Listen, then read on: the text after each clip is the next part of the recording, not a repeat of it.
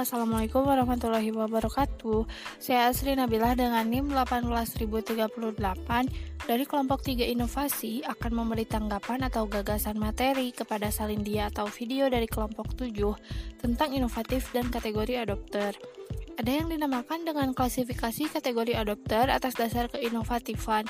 Individu yang paling inovatif disebut progresif, high trials, eksperimen, mercusuar, pramuka tingkat lanjut, dan ultra adopters. Dan individu yang paling tidak inovatif disebut drone, parokial, dan die hard. Ada tiga masalah untuk mencari standarisasi kategori adopter yaitu menentukan jumlah kategori adopter untuk dikonseptualisasikan, memutuskan porsi anggota sistem untuk dimasukkan dalam setiap kategori, dan menentukan metode statistik atau sebaliknya mendefinisikan kategori pengadopsi.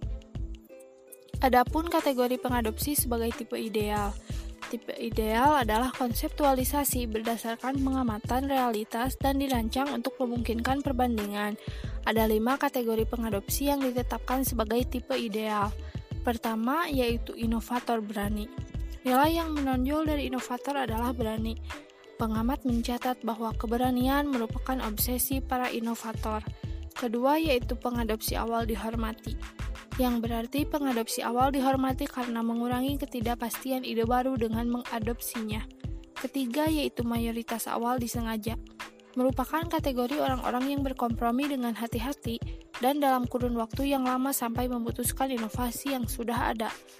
Selanjutnya yaitu mayoritas akhir skeptis, merupakan kategori orang yang berhati-hati dalam menggunakan inovasi. Dan yang terakhir adalah laggards, yaitu tradisional atau juga yang ketinggalan. Orang atau juga orang lamban adalah yang terakhir dalam sistem sosial untuk mengadopsi inovasi.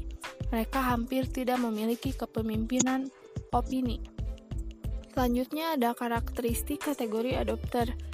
Yang pertama, karakteristik sosial ekonomi.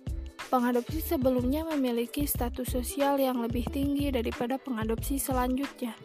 Kemudian, variabel kepribadian.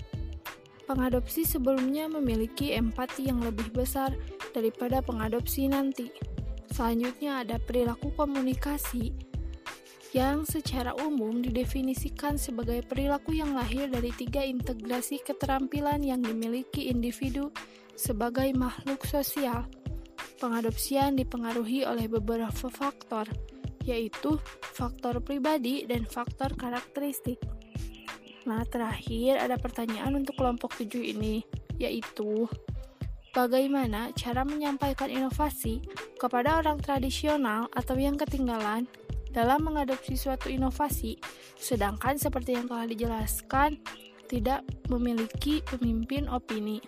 Dan hal apa saja yang membuat orang tersebut dikategorikan sebagai laggards atau yang ketinggalan?